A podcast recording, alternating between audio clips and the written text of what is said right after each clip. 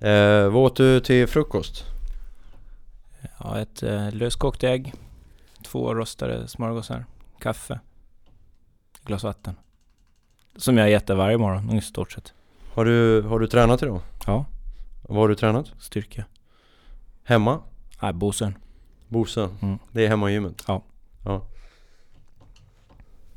Vad kör du för styrka? Oj, det är väldigt enkelt. Det är eh, marklyft, bänkpress, eh, militärpress, eh, selrudd. Och sen är, ja det är sen är det blir, idag var det lite... Vad sa du? Säl? Selrudd. Alltså eh, rudd med skivstång på eh, uppbackad... Eh, eh, vad heter det? Det En bänk liksom, som man Ja. ställer upp. Som, som man, alltså, då hänger liksom Ah, skivstången okej. hela tiden. Ja, Den når ju aldrig backen liksom. Så det får alltid häng. Ja. Då hänger man ut axlarna bra och sen bara... Då kan man inte fuska. Vem, vem har lärt dig all den här Ja, den träningen? finns Det där. känns ju ganska... Nej men det, man får... Bosön är världens bästa träningsställe. Det, gör man fel så är det 15 personer som kommer att tala om för Nej för fan, jag är inte sådär. Då gör du, gör du illa. Alla i SOKs topp och Ja, talangprogram. lite så Ja. är det. Så man har, Eller... eh, man har någon- proffscoaching liksom. Alltid. Ja. Okej, eh, då tror jag vi har fått till det här. Då låter det så här då. Idag i Unika Människor ska vi träffa Jonny Krigström, men eh, först ett ord från våra underbara sponsorer.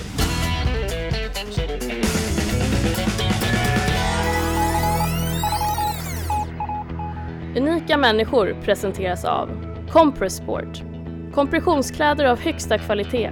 Som lyssnare får du en rabatt på compressport.se med koden UNIKA. Välj Compressport för snabbare återhämtning, förbättrad prestation och för att förebygga skador. Vitamin Manager. Du är fortfarande unik och ditt kosttillskott kan också vara det. Använd koden 2017 för din första leverans för 95 kronor. Buff på köpet till alla nyteckningar på rabattkoden. Välkommen till vitaminmanager.com. Apollo Sports är Sveriges största arrangör av träningsresor och erbjuder träningshotell för alla intressen och nivåer. Kolla hashtaggen Apollo Sports för senaste update på Instagram. Superfruit, Nordens ledande varumärke inom naturlig och ekologisk supermat och råfoods. På superfruit.com får du som lyssnare 20% rabatt med koden GOJI. Tack för att du lyssnar. Nu kör vi!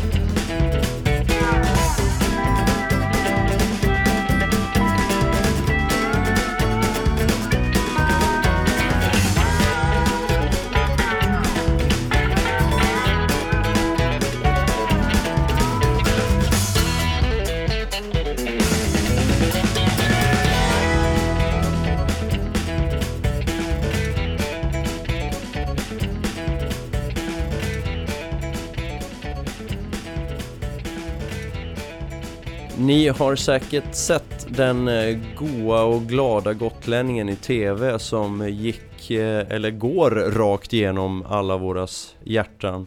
Eh, idag är han verksam i Sofies Änglar, eller Sofias Änglar. Ja, det är helt rätt.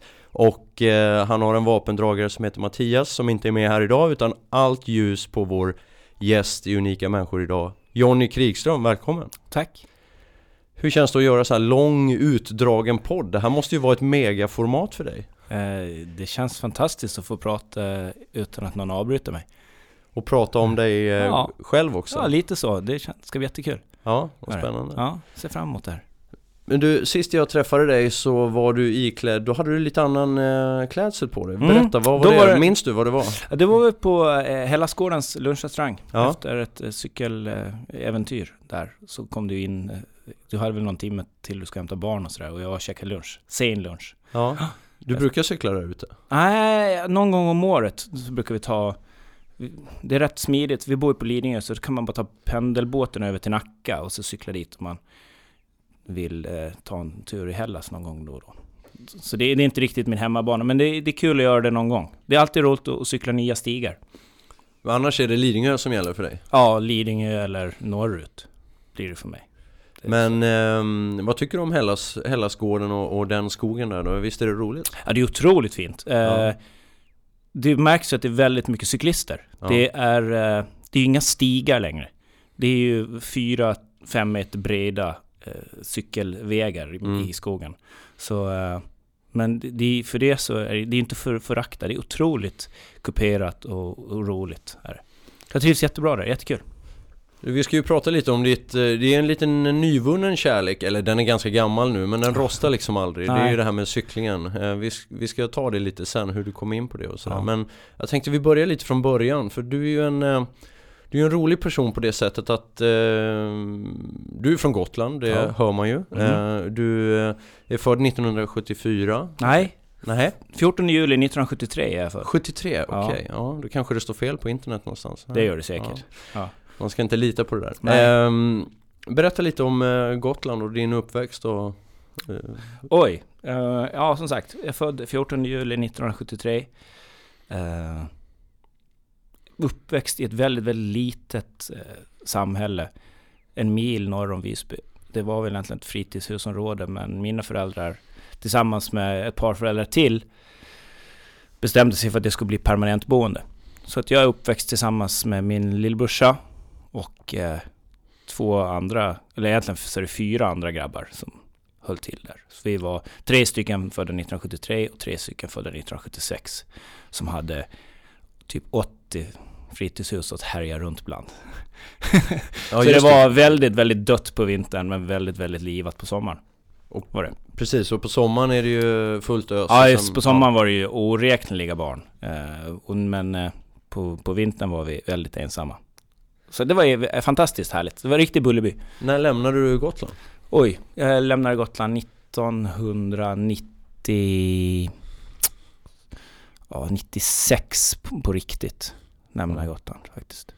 Hur är det liksom? Jag har alltid undrat när man är där eh, När det är sådär säsongsbetonat eh, Mm. område eller eh, där man växer upp. Är det väldigt sådär eh, Det måste bli otroligt tyst på vintern. Mm. Det är otroligt skönt när turisterna kommer. Och det är otroligt skönt när de åker. Varför är det skönt när de kommer? Ja men för då vaknar eh, Visby eller Gotland lite. Det är ju lite av eh, de säsongsbetonade st- ställenas eh, akilleshäl kan man säga. Det är, det är ingenting som är öppet innan turisterna kommer. Eftersom det, alla, det, det finns ju ställen som är öppet. Nu ska jag säga att ingenting är öppet för det är det. Är, det är, men alltså, mycket är öppet i Visby men på landsbygden är väldigt mycket stängt. Mm. Så att det är härligt när eh, sommargästerna och turister kommer för att öppna hela Gotland istället för bara Visby. Mm. Så att... Eh, och det är väldigt skönt när de åker därifrån också för då, då stänger liksom Gotland också på ett annat sätt. Man får saker för sig själva. Det är försäsong och eftersäsong är bästa tiden där. Så är det. Men du, när vi ändå har ett riktigt Gotlandsproffs här då För de som bara har stått på Kallis Många av de här lyssnarna står ju bara på Kallis och Mm. sprutar skumpa hela dagarna, Mm. givetvis Mm. Men om man ska liksom se bortom det Vad, vad är det på Gotland man eh, inte ska missa när man åker dit? Jag skulle säga hela norra Gotland. Från Kallis och norrut, hela den kusten. Ja. Det är egentligen en, en rätt gömd skatt som egentligen ingen har upptäckt. Eh, många åker till Tofta och Djurgården och södra Gotland, men, eller direkt till Fårö, men allting mellan Visby och, och Fårösund är ju fantastiskt. Mm. På egentligen på båda sidorna. Det är, eh, ja, det är, det är helt otroligt. Med mycket, för, för, oss som är, li- lite tycker om att cykla så är det ju helt, helt grymt. Du kan ju cykla i stort sett på, på, på pallkanten, alltså på, uppe på, back, på berget. Från, ja, från Visby till Kappshamn. Ja. Det är helt fantastiska cykelstigar. Det är några som säger att man kan surfa på Gotland Oh, också. ja. Det går Har du jättebra. gjort det någon gång? Nej, jag, jag, det har jag aldrig gjort. Du har inte hittat den passionen? Nej, det, tyvärr. Jag är lite chicken för kallt vatten. Jag vill gärna ha värme. Ja, ja, okej, Ja. okej. Ehm, Okej, det är Gotland. Och hur, hur eh, idag, det är ju ett gäng, eh, ska man säga, publika eller offentliga människor som kommer från Gotland Mm. och som skärmar övriga Sverige med den där dialekten. Men hur tror du folk skulle eh, komma ihåg dig idag från Gotland? Eller om man intervjuar folk där, vet folk vem du är? Eh, jo, det tror jag. Jag har ju varit offentlig rätt länge nu. Ja, Eh, och spottar man tillräckligt mycket på en varm sten så blir den blöt ändå. Så att det har väl gnuggit in det. ja, ja. Ja. Så att, eh, men jag tror de många är, jag är ju samma kille som jag alltid har varit. Så Ja. det är inte så stor skillnad. Jag tänkte komma lite till det, att du verkar ha behållit den här härliga ödmjukheten. Vi har ju träffats lite genom Mm. åren och jag har eh, fått chansen att intervjua dig på scen i vissa sammanhang och Mm. sådär i, i sammanhanget av ditt cykelintresse Mm. kan man säga. Och eh, det verkar vara samma kille, eh, enkla grabb som går upp på scen varje gång man, man pratar med dig. Ja, det är, jag tror att eh, jag är den jag är och det är svårt att, att vara någon annan. Och det är väl lite så. Det börjar man, är, bli, eller tror man att man, jag ska inte, jag tror är väl fel ord, men försöker man vara någon annan än man är, då är det nog, då är det nog lätt att man snor in sig i saker. Mm. Så det är enklare att bara vara den man är och sen, ja, så Ja. är det bara så. Och eh, du flyttade från Gotland, vad gjorde du efter, eller, eller när du flyttade från Gotland? Ja, men det var ju, eh, det var väldigt eh, turbulent med jobb mellan kan man säga 94 och 96, 97. Så att, Vad gjorde du då? ja, jag jobbade som målare Ja. eh, och eh, Ingen planer på TV eller? du- nej, nej, det du fanns... var målare? Ja, ja, jag var målare. Och eh, ja, det var för dåligt med jobb helt enkelt. Så jag flyttade till, till fastlandet och började jobba på eh, jag renoverade lägenheter i Södertälje och Järna. Mm. bodde i en övernattningslägenhet. i- Hade möblerna magasinerade i två år. Och, ja, det, var, det var rolig tid. Du ler lite när du... Ja, det var jätte, jag hade jättekul. Alltså det var, Känns det som ett annat liv? ja, ja, men det, jag levde ju i kappsäck nästan, Ja. nästan tre år. Mellan 96 och 99 nästan. Och vad drömmer man om då som målare och, och grabb då om man säger så? Eh, komma till storstan, jobba. Vad, vad tänker man då livet framför sig? Nej men det var väl, det var, det var ing, för mig var det bara, jag jobbar 60 timmar i veckan och resterande var det vin, kvinnor och sång. Ja. Det var, det var livet då. Ja. Eh, hade ju otroligt enkelt. Hade ingen hyra. Jag jobbade på... Bort, jag låg då, bodde borta alltså, från Gotland så jag hade ju traktamente så jag tjänade ju väldigt mycket pengar. Mm. Så det, det var verkligen, Det rullade på. ja ah, fy så jag hade så jävla roligt. Det Ja. var... Men det, har- det ska man ha, man ska ha roligt i livet. Ja, ja. Och vad hände sen då? För, Nej men sen var det så, då tog det, vi hade kontrakt på två år. Så det, kom det, tog det kontraktet slut. Och så då flyttade jag till Stockholm, vi hade en lägenhet med familjen. Ja. Så då sa jag, men jag tar lägenheten och sen provar jag där. För det Ja. fanns inga jobb på Gotland ändå så att, chansa på det bästa? ja lite så. Ja. Och eh, någonstans i den där vevan kom du i kontakt med TV? Ja, det är 98 flyttade jag till Stockholm, 90, alltså 98, 99. Och då började jag jobba på Br- Bruske måleri på Lidingö. Och eh, i samband med att jag började där så målade vi i Frihamnen hos ett produktionsbolag som heter Jarowski. Just det. Och eh, så var en jävla massa målare som sprang runt där alltså. Vad, vad, vad Nej, jag, det var där, jag var där målare. Alltså, Men vi målade ni ju, Ja, vi målade om hela kontoren. Ja okej, Ja. okej. Det Ja. var inte så att ni målade en uh, nej. green screen eller? Nej, nej, nej. inget sånt? Nej, så vi målade om hela kontoret och sen när de hade flyttat in så var det en jävla massa andra målare som sprang där. Och eh, ja, till slut så var det någon som frågade om inte jag skulle komma och göra en provfilmning för, Mm. Vad var det för, för, för för room service. Room service? Ja. Okej. Det var ett nytt program då? Ja, 99 var det här då. Nej, 2000 var det här. År Just det. 2000. Då var det Vem var liksom, vem ledde det programmet då? Det fanns inte. Nej, det, nej okej, just det, så var det. Mm. Ja. Så det här var ett helt nytt program som ska göras. Så, så jag gick på den här provfilmningen och eh, så hände inte så jävla mycket mer. Så gick det ett par månader. Och Men liksom när, när du fick den här frågan, garvade du lite åt den då och så här, ah, vad fan ska jag vara med i TV? Eller liksom var det något som du hade så här, ja fan vad roligt, det kanske, tänk om jag blir kändis och, och kan tjäna pengar på det här. nej, jag garvade rätt mycket åt det. Du tyckte det var en kul Alltså, grej? otroligt kul grej. Ja, Alltså det var, när man gick på, när vi väl kom dit och fick eh, testa mm, på vad, vad vi skulle göra så var det otroligt sparande. Att bara tanken på att varje vecka liksom få ställa sina kunskaper på, på prov och, Ja. och dra saker till sin spets. Det är ju egentligen vad, oavsett vad man håller på med så är nog det drömmen. mm. Att varje måndag så, så kommer du till ett jobb, du har ingen aning vad du ska göra. Det enda du får veta att du ska göra är att du får liksom verkligen spänna bågen till bristningsgränsen. ja. Och efter fyra dagar eller fyra dygn som vad det var då, så är du klar. Och så Mm. nästa måndag börjar jag om. Det är otroligt häftigt. Alltså de förutsättningarna, det är någonting, i min hjärna så är det det absolut bästa som kunde hända. Så det vill jag verkligen vara med på. Det, det kan ju när du beskriver det nu också låta lite utmattande. Eh, ja, det var, Att varje vecka vakna Ja. liksom med kniven mot strupen. ja men det är... Eh, nej men det är inte så utmattande. Alltså efter kanske... Nu har vi gjort 19 säso- gjorde vi 19 säsonger av Room Service. Så på slutet så var man väl rätt eh, trött på det, men... De första, jag ska säga, de första 10 säsongerna var det en sån otrolig fröjd. Mm. Alltså det var en sån glädje att gå till jobbet och få göra de här sakerna. Att få göra saker som man egentligen ingen annan gjorde. Eh, och testa sig själv. Kan jag det här? ja. Verkligen kan jag det? Jag har ändå, jag har nog aldrig sagt att jag inte kan någonting, även fast jag hade ingen aning om eh, om jag kunde det eller inte. Och bara få testa och testa och testa och testa. Jag vet inte hur många gånger man har eh, liksom gjort om och gjort om och gjort om tills Ja. det funkar. Men det funkar. Och det är otroligt roligt. Alltså det är så jävla roligt. Men eh, om vi hoppar tillbaks lite då. Du gjorde en provfilmning och så Så tog de kontakt med dig och sa grattis du har fått jobbet. Du, Ja det tog ju väldigt, tog väldigt, väldigt lång tid. ja. Ja. Sökte du upp dem då? Så, Nej, vad men fan jag- händer med det här? Ja. Jag hade ju jättebra jobb där jag var, så jag Ja. var ju, satt ju lugn i båten. Verkligen. Och så till slut så ringde producenten, Erik. Och sa han, ja nu tror jag att det är klart. Nu tror jag att du har det. Jag bara, men okej, jag måste ju begära tjänstledigt tio veckor från min chef liksom.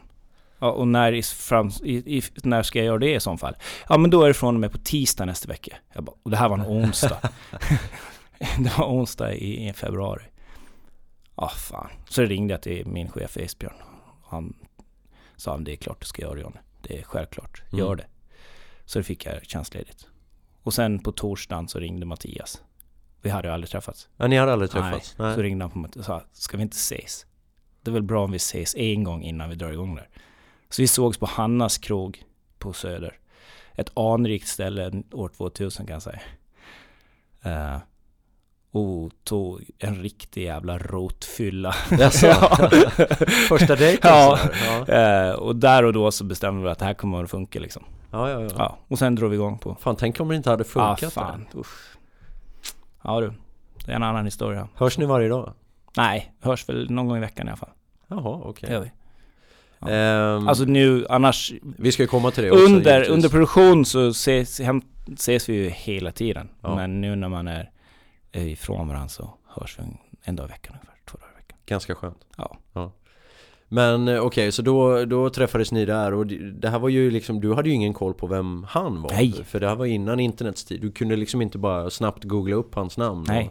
Han fanns ju knappt då på internet heller. så. Nej. Eh, men okej, och sen, eh, sen rullade det här på. Så från 2000 så spelade ni in... eh, Ja, det här, vi, från 2001. Vi, vi 2001, ja, ja. provfilmade 2000, för 2001 började vi. Mm. Och då började vi i började februari. Så körde vi 10 veckor på raken. Och då kan man ju säga att eh, programmet som hette då Room Service, ni var ju lite i, i eh, det var ju liksom begynnelsens tid vad det gäller eh, inredningsprogram. Ja, ja. Alltså, vad fanns det för andra ja det var, det var tiden? äntligen hemma som, då, de gjorde ju de talade ju om vad man gjorde liksom. De visade hur man skulle bygga en fågelholk eller virka ett badkar eller vad de nu gjorde.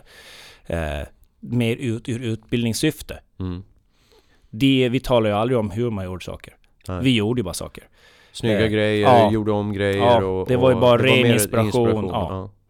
Och det satte väl en lite ny standard kan man ju säga För att sen blev ju alla program mer eller mindre så Ja. eh, Jag vet inte hur många sådana här program som kom sen eh, Men eh, Min fru sitter ju klistrad liksom varje gång det, det rullar ett sånt här Ja. program Men det är väldigt mycket inspiration och det har ju varit temat då Mm. Ja, ja, det har ju verkligen varit eh, vårt driv också. Att inspirera och att inspireras. Mm. För det kan jag säga, veckor när man inte får... När man bara ska göra saker för görandets skull. Då är man inte lik, Då är det inte lika roligt. Men ni, precis, och det var det jag tänkte, ni måste ju också inspireras Ja, ja. Någon, någonstans ifrån. Ja, ni måste ju också ha influenser och så här, ja, var får ni dem? Eller var, var kommer det? Oj. Eh, Eller bara känns det? En så här känsla i kroppen att fan nu, det här rummet ska bli så här. ja, men det, det, det, I roomservice hade vi alltid en inredare som jo- jobbade och det var ju deras jobb att lösa allting och det var väl jädra tur det. Hade Mattias och jag gjort det hade vi all, då hade vi gått på knäna efter en, en dag liksom. Men, eh, och det var ju det var ju det också att varje måndag så kom man till nytt, att de hade hittat på. Men sen när saker och ting... Roomservice fungerar så att vissa inredare, där fanns det en väldigt, väldigt tydlig plan som man liksom inte avvek ifrån. Där fan var allting liksom. Det var vilka färger det skulle vara på väggarna, vilka tapeter, hur vi skulle bygga möblerna. Det fanns exakta ritningar på allt rätt många andra inredare, där var vi ju mer i en symbios. Mm. De kom att la fram, så här vill vi att det slutresultatet ska bli. Mm. Hur gör vi det på vägen? Och då var det ju mer ett samarbete mellan mig och Mattias och inredaren. Och då, då föddes oftast de bästa grejerna, mm. faktiskt. Mm. Uh, det, vi har ju gjort många saker som man egentligen inte trodde skulle kunna gå att göra på just sätt. För att man har testat och testat och testat. Ja. För inredaren har, men jag vill att det ska se ut så här. Ja men vi kan inte bygga det, så, ja, men bygg på ett annat sätt, gör på det här. Så man bara testat och testat och till slut så har det funkat liksom. Så det är ju, vad jag har haft en experimentverkstad. Det har varit jätteroligt. Och det är ju det som är ganska häftigt att för att ni har spelat in vid så många olika locations och platser ja. så får ni testa mycket grejer. Ja. För en vanlig hantverkare om man säger så har ju kanske inte det varken råd eller tid eller chansen att Nej. pröva så många saker. Nej, så är det ju. Um, ja, jag har varit otroligt lyckligt lottad som har fått göra det här. Men... Eh, och när ni spelar in, har du någon koll på hur mycket liksom ställen ni har kört? Hur många olika platser? Hur mycket? Ni har alltså gjort 19 säsonger bara av room service? Ja. Det är 100... Ja, det är, måste ju vara... Det är, så är det, det är ju 10 program i varje säsong då, så det är 190 program. Så kanske... Och sen några säsonger har det varit 12 program. Så vi tangerar väl 200 program kanske. Det, och det är 200 projekt? Det, det 200. var inga projekt som löpte över programmen så Nej. att säga? Det var inga sequels liksom? Nej. Nej. Så det är 200 rum då? Är det något så här av dem som du känner så här, det där minns jag, det där var ju det, något som toppar allt det andra liksom? Oj. Ja men det finns ju många som man, det, där, jag ska säga, det finns detaljer i rätt många rum som man, man tänker, men just den där grejen vi gjorde där var väldigt, väldigt bra och eh, men sen är det ju, oftast är det ju saker som man gjorde som är kopplade till dem som ja. man kommer ihåg mest. Just det. Alltså, som när vi reste på, vi gjorde en strandbar på Jamaica liksom. Det, det var jättekonstigt. Det var just, ja, det så alltså, märkligt. Men just rum sådär så är det ju svårt att komma ihåg ja. alla rum. Det blir en mischmasch. Men ofta så kommer man ihåg detaljer. Så mm. Jag kan komma ihåg vissa bänkar som vi byggde i, liksom, i Vällingby. De var jädrigt snygga. Och mm. Någon tapet som man satt upp någonstans. Men det är väldigt svårt att komma ihåg hela rum idag. Mm, mm. Hur har eh, dina hantverkarkollegor eh, tagit emot dig? Omfamnar de dig fortfarande för den hantverkare du är? Eller är det liksom, tänker de dig som en känd tv-personlighet? Nej, de, eh, mina gamla kollegor, de ser nog mig som den som jag var liksom. Ja. Det var nog inte så konstigt. Uh, och det är ju...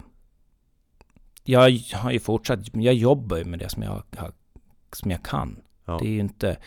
Och, och jag kunde ju det innan, så det är ju rätt enkelt. För mig har det varit rätt enkelt. Det har ju varit... Det kan jag säga, jag har ju varit, det har varit rätt skrämmande och, och göra andra saker som vi har gjort, eh, när vi har gjort liksom Hello Africa eller vi gjorde Malmvägen och vi har gjort Johnny Mattias Pavvägen. Det, det är när man inte kan falla tillbaka på hantverket. Ja, För hantverket är ju det jag kan. Mm. Det är ju det som är min styrka och det är ju det som är min trygghet. Och när man inte har den längre utan man är tvungen att vara, vara liksom, försöka vara i sig själv då var tryggheten och sådär. Då, då, var det, då var det mer skrämmande. Då var man väldigt långt utanför sin komfortzon. Men så länge jag fick hålla på med hantverket och göra spackla och måla och sådär. Det visste jag att jag kunde, så det var mm. bara att köra. Så var det ju liksom. Men det skulle kännas... Och där, och för att komma tillbaka till din fråga, därför liksom i, i hantverkarkollegorna, ja men de ser ju att jag kan. Ja. Jag kan ju mitt skrå. Ja. Så att där är det ju, det, jag, jag tror att visar man att man kan sitt skrå, då är det inte så speciellt svårt att bli omtyckt. Nej. Men skulle jag då stå och hitta på massa saker, och inte kunde det, då är det nog lätt att man gräver en stor grop. Och det är, jag har alltid tänkt så här Martin Timell, är han hantverkare är han, eller är han bara en god gubbe? Han är jävligt bra hemmasnickare. Ja, Mm. det är det han är. Ja. Det kanske är succén också bakom Ja, hans grej. Ja, ja, visst. Eh, men eh, det var det jag tänkte, komfortzon där. Det skulle vara mycket läskigare för dig att eh, leda Idrottsgalan eller Ja, ta på herre- dig liksom Herregud. smokingen och, och stå och köra Ja, den grejen. Ja, Har du fått sådana frågor? nej. Jag tror Nej. att det är alldeles för utanför för vad jag vad jag ska ha kapacitet till. Nej, jag vet inte men nej, jag tror att eh, nej, det skulle inte jag, jag skulle inte fixa det. Nej. Jag tror inte det. Ehm, men sen efter room service så började ni, under den här perioden så gjorde ni också lite avstickare. Mm. vet, Du nämnde några grejer där, eh, Hello Africa eh, 2007. Ja. Vad var det för något? Ja, det vi gjorde ett eh, samarbete tillsammans med Unicef. Eh, vi åkte till Etiopien och byggde en skola. Och så byggde vi även ett, ett barnhem. Eh, sådär. Så att, det var en det var en otrolig upplevelse. Var det. Och då började ni ju, för då har ni träffat Sofia också och ni har Nej, det Inte här, det är, då? nej, det, här är, Nej. det här är innan Sofia. Eh, först, alltså ska man gå kronologiskt så var vi, gjorde vi room service i tre, fyra, fem år. Och sen gjorde vi något som heter Malmvägen. Som är ett ungdomsprojekt som vi gjorde i Sollentuna på Malmvägen. Där vi Okej. byggde en stor ungdomsgård med gym och restaurang och lite sådär. Tillsammans med 16 ungdomar som var arbetslösa. Just det. För, för Det var också kanal 5. Ja, också kanal Mm. 5. Eh, Mm. eh, eh, det var ju otroligt, ett otroligt roligt jobb. Eh, otroligt frustrerande och, och tålamodsprövande men otroligt givande. Jätte, jättekul. Vilket Eh. år var det här nu då? Det här var 2004. 2004? Ja. Ja. 2003, 2004, 2005. Och sen då 2007 så åkte vi, eller 2006 på, i december, november, december var vi i eh, Etiopien Mm. och gjorde hela Afrika tillsammans med Unicef. Och då var det bara, då var det ingen programledarkollega där? Nej, det var bara jag och Mattias. Du och Mattias? Ja, så vi skulle ju egentligen, det, det vart ju, vi hade ju, förutsättningarna var att vi skulle åka ner och bygga en skola åt en befintlig skola som fanns, som var under pressändningar, så skulle vi bygga en, bygga en större skola åt dem. Det var premissen som vi Ja. skulle Men när vi väl kom ner på plats så var det ju helt andra förutsättningar. Vi skulle bygga en jättestor skola. Vi skulle bygga en skola för 400 barn på två månader. Någonting som vi aldrig någonsin skulle kunna göra. Så det, blev, det svängde väldigt, väldigt mycket där nere. Skolan blev byggd. Unicef var gjorde ett fantastiskt arbete och byggde det. Tillsammans med en lokal hantverkare. Eh, En rätt stor firma. Men vi stod ju då helt bakbundna och lagen sa ju att eftersom vi åkte under FNs flagg som Unicef är så fick ju inte vi arbeta eftersom. Nähä. Nej, då tar vi jobb från någon annan. Ja, och jobbar ja. man då med, med, Hur löste med bistånd? Ja, vi spelade tennis. Ja. gjorde vi. Så att, nej men tillsammans med eh, några medarbetare från Unicef så eh, lyckades vi få en bit land av kommunen där. Sen byggde vi ett eget barnhem faktiskt. Eh, för egna pengar. S- Och så flyttade det in 14 barn där och det har vi drivit nu i 10 år. Wow, Ja, det visste jag inte. nej. Nej. Så att, eh, ja det finns barnhemmet.se, där kan man gå in och titta på barnen. Och den här skolan blev byggd? Oh ja! Men ni fick inte själv jobba med den på det Nej? Nej. Vad, hur, men eh, då gav ni bara liksom orders och, och sa till att göra så här? Ja, vi ritade den och, och sådär. Eh, och åkte dit ett par gånger om dagen och pekade på ett hål i marken. Ja. Tittade på när folk byggde. Sen åkte vi därifrån. Det var verkligen jättefrustrerande. Så det var 2007 då och sen ehm, var det något mer projekt efter det som var lite... Nej men sen åkte vi hem så gjorde vi två säsonger av eh, room service igen. Vem var programledare för Room Service? Det var? Mattias och jag. Det var bara ni? Ja. ja det Och var, sen en och sen in- era lärlingar, just det. Ja, så sen var hade det. vi två lärlingar faktiskt. Det, Ja, just det. Ja, Det minns jag. ja. Anton och... ja, det var roligt. Ja, du garvar lite Ja. för jag kommer också ihåg dem eh, För att eh, de var ju lite era undersåtar Ja, det kan man säga. Var det så även när kamerorna slocknade eller var det bara ett skådespel? Nej, vi var rätt bra kompisar allihop. Ja, Så är det ju. Eh, Men det var ju, de är ju, de är ju otroligt duktiga hantverkare idag. vad gör de idag? Vet du? Har Ja, ni kontakt? Anders har jag väl pratat med någon gång, Anton har jag inte pratat med på många år. Nej. Har jag inte. Ja, de fick sig en rejäl skola där. Ja. Ja, i TV TV-kamerornas Ja. ljus. Eh, och sen, men eh, det jag vill komma till lite var det här, när börjar ni transformera er själva till eh, det här med Sofias änglar och när, när hände hela den resan? Oj. Eh, ja, det är ju... Nu har vi gör vår... Spelar in vår... Håller på att spela in vår åttonde säsong nu då. Mm. Så det kan ju vara fyra år sedan, tre, fyra år sedan. Så det här allting börjar egentligen när Mattias och jag tröttnade ju på, på room service. Alltså, Mm. vi tröttnade på att träffa människor i 15 minuter. Vi har gjort det här sociala projektet i, på Malmvägen, vi har gjort ett jobb i, i, eh, i Etiopien. Där liksom man hjälper människor på riktigt. Ja. Och så åker man hem och så gör man en, ja, målar en sommarstuga på en skärgårdsö och lägenhet på Östermalm. Mm. sådär. Mm, Man tröttnar lite på det till slut. Liksom. Vi hade gjort 170 lägenheter. Så att då tyckte vi att, nej men kan vi inte ta det här lite vidare? Så pratade vi med vår dåvarande chef Lars Bäckum. Och eh, han sa, men jag ska klura på det där. Så kom han tillbaka, men vad tror ni om det här? Så hade de ett, ett, ett programupplägg då som var med jag och Mattias och eh, Sofia. Mm. Där vi var mer social. Hjälpa Ja. människor som verkligen behöver hjälp.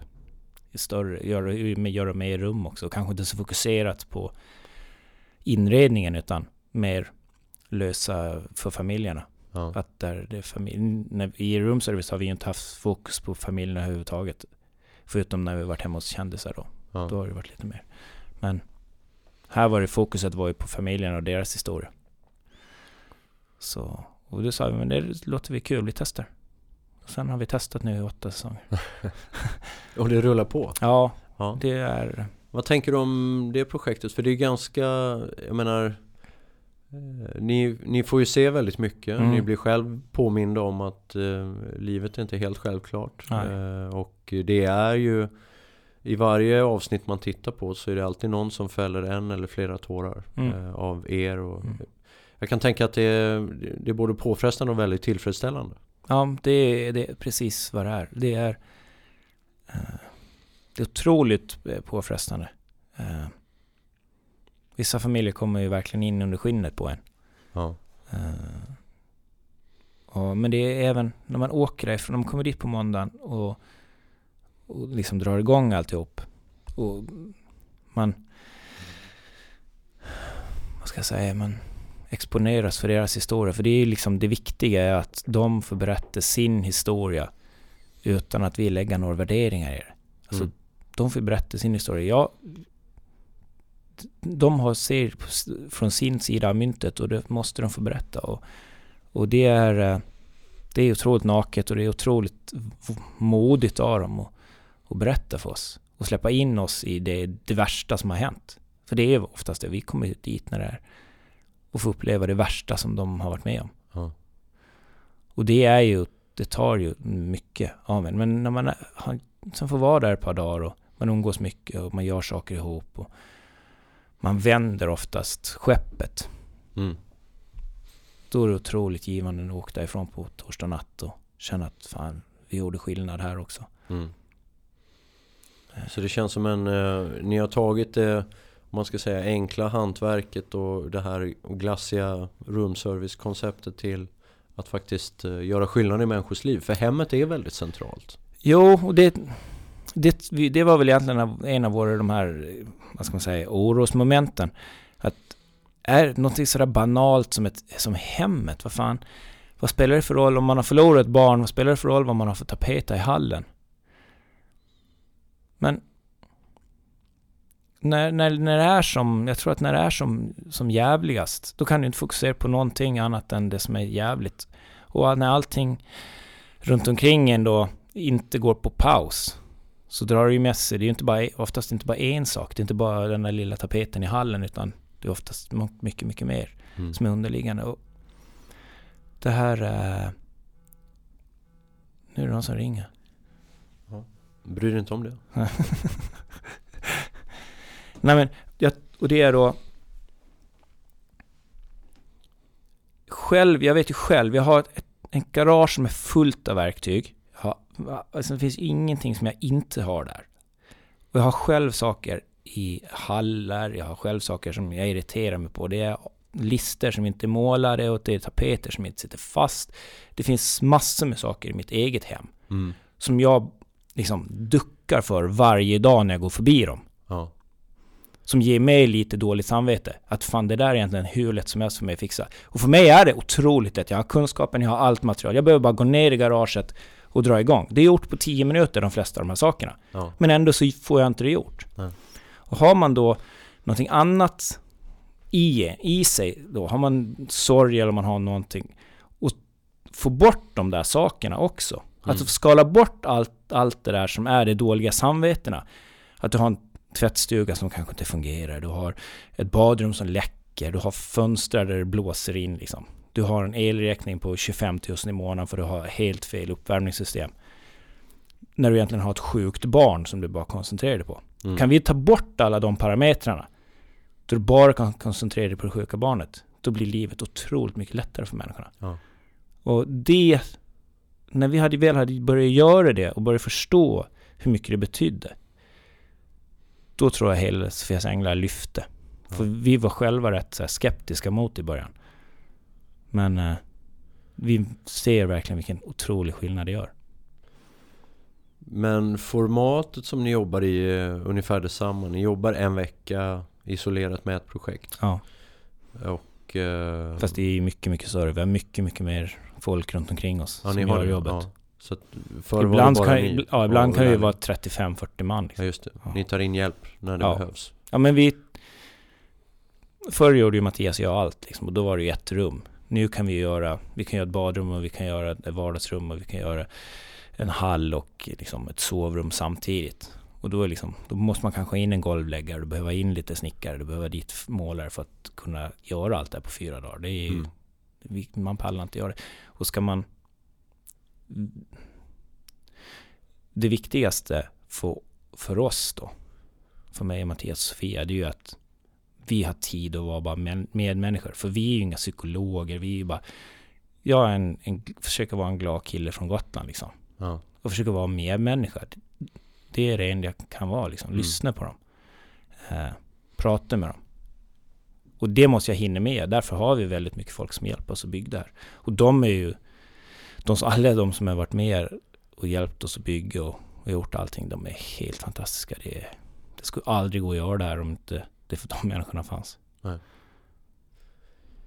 Ehm, och ni spelar in i cykler. Du kommer precis från en lång inspelningsperiod. Ja.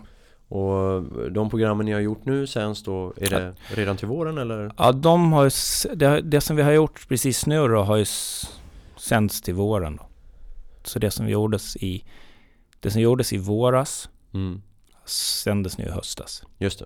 Så det som vi precis har gjort, det sänds, börjar väl sändas i februari tror jag. Och när vi skulle bestämma lite tid för den här intervjun då sa du ja men jag har all tid i världen nu Mm. så att eh, vi kan köra när som helst. Ja. Men, eh, och sen träffades vi i Hellasgården och där hade du, där ägnade du tiden åt din andra passion, Mm. cykling. Ja. Jag Tänkte vi skulle prata lite om det. Vad, Ja. När upptäckte du och varför blev det cykel och inte löpning? Du är ganska, du, hur lång är du? 1,85? En- 1,86,8.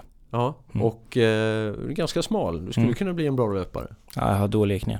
Dåliga knän? Ja. Ja, okej. Ja, då är ju cykel bra. Ja, väldigt bra. När hittade du cyklingen? 1999 Mm. hittade jag cykeln. Det, Eh. men det är ju länge sedan. Ja, Och, och, landsväg. Ja, landsväg. Ja. Ja. Cyklar 99, 2000, 2001. Landsväg. Mycket. Eh, sen... eh, Och vad, vad betyder mycket? Är det, är det liksom Vätternrundan mycket? Eller ja men är såhär liksom, 600 mil om året. Ja, det är mycket. Så det är rätt mycket. Var det tävlingslicens och hela den Nej, det var det inte. Nej. Det var Du var mest motionscyklist, avancerad motionscyklist. Ja. den där... Alltså, det som är... Det som man kan säga sym- symboliserar cykel för mig, det är den där friheten. Jag känner mig igen varje gång jag cyklade igår. Alltså när jag rullade ut eh, cykeln ur garaget, igår hade jag dubb också. Och bara titta till höger, titta till vänster. Då känns det som att jag har farsan bakom mig. Ja. Och så kan jag bara dra. Och så vet jag att han hinner, hinner inte med. Jag känner mig som sexårig igen och, och står längst fram i en korsning och försöker sticka ifrån farsan. Ja. Den här friheten, Ja. det, är, det är det som är glädjen varje gång. Därför älskar jag att cykla. Det är otroligt härligt. Och det var lite så det var även när jag började med landsvägscykling 99, 2000, 2001. Att den här friheten att komma ut. Man jobbade mycket med, med, med, med, room service då och sen bara komma ut, bara komma hem och ha tungan hängande som en köttslips ur käften och vara helt trött i benen. Det var ju en otrolig fröjd. Mm.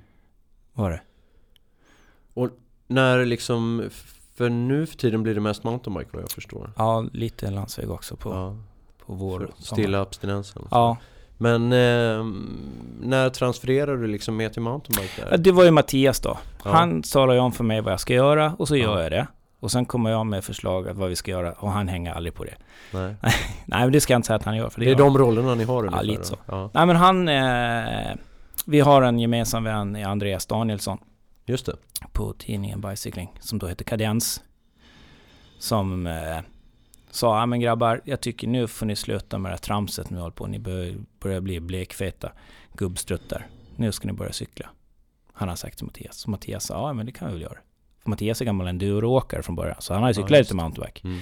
Och jag vill ju, jag har ju kategoriskt sagt, jag kommer aldrig cykla på en mountainbike. Det är, ska man cykla ska man cykla på landsväg. Då, det, Mm. då cyklar man på riktigt. Håller på och sprättar runt i skogen som någon fjant. Nej, nej, nej. Ja, men han Mattias han fixade en cykel i alla fall. Och så, så sa jag, men fan jag, jag kör en också. Jag köper en också. Och sen är man fast. Ja. Alltså det är någonting speciellt med, med mountainbike. Det är det där... När man cyklar landsväg så eh, kan du tänka på en miljard olika tankar. Mm. Du hinner liksom reflektera över hela livet. När du cyklar mountainbike så tänker du bara på cykla. Det är Mm. hand, framhjul, rötter. Och sen, du tänker inte på ens hur jobbigt det är förrän liksom lungorna på väg ut ur munnen på dig. Mm. Då märker du hur jävla jobbigt det är. Så det, det är en- otroligt en häftigt. bra beskrivning. Jag har aldrig tänkt på det på det sättet. Men det är, det är ju helt rätt. Det är därför landslagscykling, eller landsvägscykling är så tråkigt. Mm. Ja, man behöver, det, det är tråkigt att vara själv. Det är roligt att cykla landsvägscykling när man är ett gäng. Ja, precis. Men själv ut och nöta distanspass, alltså det är som att skära sig med en slö skridsko. Men eh, eh, är det så att eh, du och Mattias har med er grejerna på inspelning och så här, cykel? Eh, hinner ni med att liksom sticka ut i, om ni, om ni ska spela in någonstans när ni vet att det finns fina trails liksom? En kväll har vi, Ja. eh, har vi vikt Ja. till att cykla. Så nu har vi faktiskt fått en, båda fotograferna att bli lite cykelintresserade också. Så att de har haft med cyklar. Så att det är eh, tisdag kväll i stort sett på alla inspelningsplatser så cyklar vi. Ja. Det är, det är lite heligt. Så vi har, eh, vi flyger runt med våra cyklar i, i hela Sverige. Ja men det är ju, då, då, då längtar ni till den kvällen. Då vet Ja. ni att då är det liksom, vad, vad kör, då sticker ni ut och rullar bara? Eller Ja, det, det kan liksom, bli, oftast, det, det är rätt... Ju mer man håller på, desto mer märker man att det finns... Eh, det finns ju väldigt mycket likasinnande i den här branschen. Ja. Alltså i hantverksbranschen är det rätt många som cyklar och cyklar mountainbike. Mm. Så att oftast när man kommer till ett ställe så kan man bara fråga någon av de lokala hantverkarna som är på plats. Bara, är det någon som cyklar mountainbike? Ja men Paul där borta cyklar mountainbike. Prata med han. Och så bara, ja men visst tänkte köra en sväng på tisdag, ska du hänga på? Nej, jag kan inte på tisdag, men här ska ni köra. Ja. Så får man alltid ett tips. Och där måste jag säga, Strava är ju fantastiskt. Det finns ju hur mycket trail som helst på, på Strava. Alltså folk är ju inte kloka när de lägger upp grejer. Ja, Men- du hänger lite på då? Ja, men jag kollar väldigt mycket. När vi kommer till nya platser, det är bara... Ja men titt, leta efter Strava-segment. Mm. Då vet man där cyklar folk. Ja, ja. Och så är det bara att dra dit. Så vet man att men här finns det ju någonstans att cykla. Mm. Så, det, är- så är det ju otroligt smart. Mm. Så, nej men det, det, det gillar det. Men eh, gällande cyklingen då, har du, har du liksom, eh, känner du så här att du är i behov av att sätta på dig nummerlapp lite då och då och tävla? Eller känner du liksom bara att du är en freerider och eh, fri, fri själ att sticka ut hur du vill liksom? Eh, Nej, ja... Så, f- det var väl... Det, jag blir väl, har väl gått mer och mer från att tävla. Ja. Jag tycker att det är... tävlandet i sin, i, sin, i sin form är ju fantastiskt. Alltså, det, det, och där måste jag säga, jag tycker att tävla på landsväg är ju eh, är mer härligare än på mountainbike. Mm. För att i, mountainbike så känns det som att det är mer som ett jävla sjöslag. Alltså det är... Nej, det, jag, jag, ja, jag vet inte riktigt hur jag ska formulera det, men det känns som att de som tävlar, många som tävlar i mountainbike i, i, i, liksom, i min kategori, rätt usla cyklister, vi blir inte bättre när vi cyklar i skogen. Och allra helst inte när det är trångt. Nej, nej. Så att det känns lite som att Ni det, det var, var, följa var man för sig själv liksom. Ja. Lite, lite så. Jag, nej, jag gillar inte det jätte- jättemycket. Men det, det finns någonting lockande med det som händer i huvudet. När man sätter på sig en nummerlapp. När man Ja, får en klocka ja. som tickar. Det är, det är otroligt roligt. Så därför tycker jag, det, jag kan tycka det är roligare att cykla ett eh, landsvägslopp om jag ska tävla. ja, just det. Än att cykla ett mountainbikelopp. Ja. Mm. Vad har du för 2017 framför dig då? Vad det gäller, har du något inplanerat i lopp eller Ja men det blir du eh? Skansen, eh, Skansen-trampet i Uppsala. Ja, Så Shimano landsvägslopp då och sen är det Polyzumia mountainbike på söndagen. Det är ju en sån helg. Så det blir två lopp. ja för du har, du har till och med blivit så pass eh, uppmärksammad med ditt cykelintresse så att Mm. du har även fått lite privata liksom, eh, ja, sponsorer eller du är Ja, jag har lite- jag har lite hjälp, ja. Mm. Det är jätteroligt. Ja, Vad jätte- kör du för cykel? Eh, jag cyklar skott. Ja. Ja. Och jag- din kompis Mattias han, han kör något helt annat? han cyklar Specialist. Ja, Mm. så ni, är lite, ni har lite rivalitet där? Nej, men vet, jag behövde... Han, han vill cykla på inte riktigt lika bra grejer som jag. Nej, nej precis. Men eh, beträffande cyklar då, är du liksom, är du en prylgalen kille? Gillar du prylarna? Ja, Ja. det är också lite med lockelsen med cykel. Mm. Att det finns ju hur mycket grejer som helst du kan eh, skruva, fixa och byta på. Mm. Det, det finns ju inget stopp. Det finns ingen hejd faktiskt, om man vill. Eh, och det är väldigt, väldigt roligt. Eh, jag tycker det är roligt. Mattias tycker det är roligt. Vi tycker det att jämföra. Men eh, ni har inte fått Sofia att cykla? Nej, Nej, hon Vi- förstår inte er passionerade liksom? vi, förs- vi försöker och tjatar och och hon har sagt ja många gånger men när det väl eh, liksom smäller, när det väl är dags för den dagen, då, då är det någonting annat. Men vet hon att era cyklar kostar mer än hennes bil? Nej, Nej, det vet inte min fru heller. Så. nej, nej. Eh, men man måste väl ha tre cyklar åtminstone, eller hur Ja. ser du på det där? Ja, det måste man minst ha. En racer, en mountainbike Nej, en... tre mountainbikes måste Tre man ha. mountainbikes? Ja. Ja. tre mountainbikes Ja. bara, ja just det. Det måste man ha. Det är det du har då? Jag har tre mountainbikes. Ja. Ja. Vilken tar du helst fram då? Eh, nu, jag har, nu har jag en vinterhoj som jag åker nu och då åker jag en Scott Genius Tuned Plus med stora, tjocka, bulliga, härliga däck med 301 dubbar i Ja. på varje däck. Så fantastiskt roligt. Ja, det är fantastiskt roligt. Det är lite som en, en motocross utan motor. Ja. Ja. Ja, det är så roligt faktiskt. Är, och sen har jag en hel, äh, en stel då, en hardtail, som är väldigt lätt. Som man ska åka Vasan eller man ska åka Lidingöloppet, Mm. som jag ska cykla. Och sen har jag en, eh, en Spark, som är en heldämpad Tävlingshoj. tävlingshoj. Ja. Renodlad tävlingshoj. Ehm, hur, hur ser framtiden ut? Vad, vad tänker du om, om framtiden? Det, är vi tillbaks lite till den här glada killen bör, eller slutet av 90-talet? Eh, Allt, du verkar hittat en, en härlig plats i tillvaron liksom. Tycker allt är roligt. Och, Ja. ja. Ja, det är verkligen så. Allt är, eh, det är väldigt, väldigt roligt. Livet. Mm. Det är, eh, det är, inte, det är inte solsken varje dag. Men eh, då finns det bra regnställ. Mm. Så att det är, eh, det är lite vad man gör det till. Ja. Och just nu så tycker jag att det är jävla toppen. Jag har två fantastiska tjejer som är sju och tio snart. Som tycker om att göra saker med sin pappa. Och jag har en fantastisk fru så det är jätteroligt. Det just nu så är livet väldigt bra. Mm.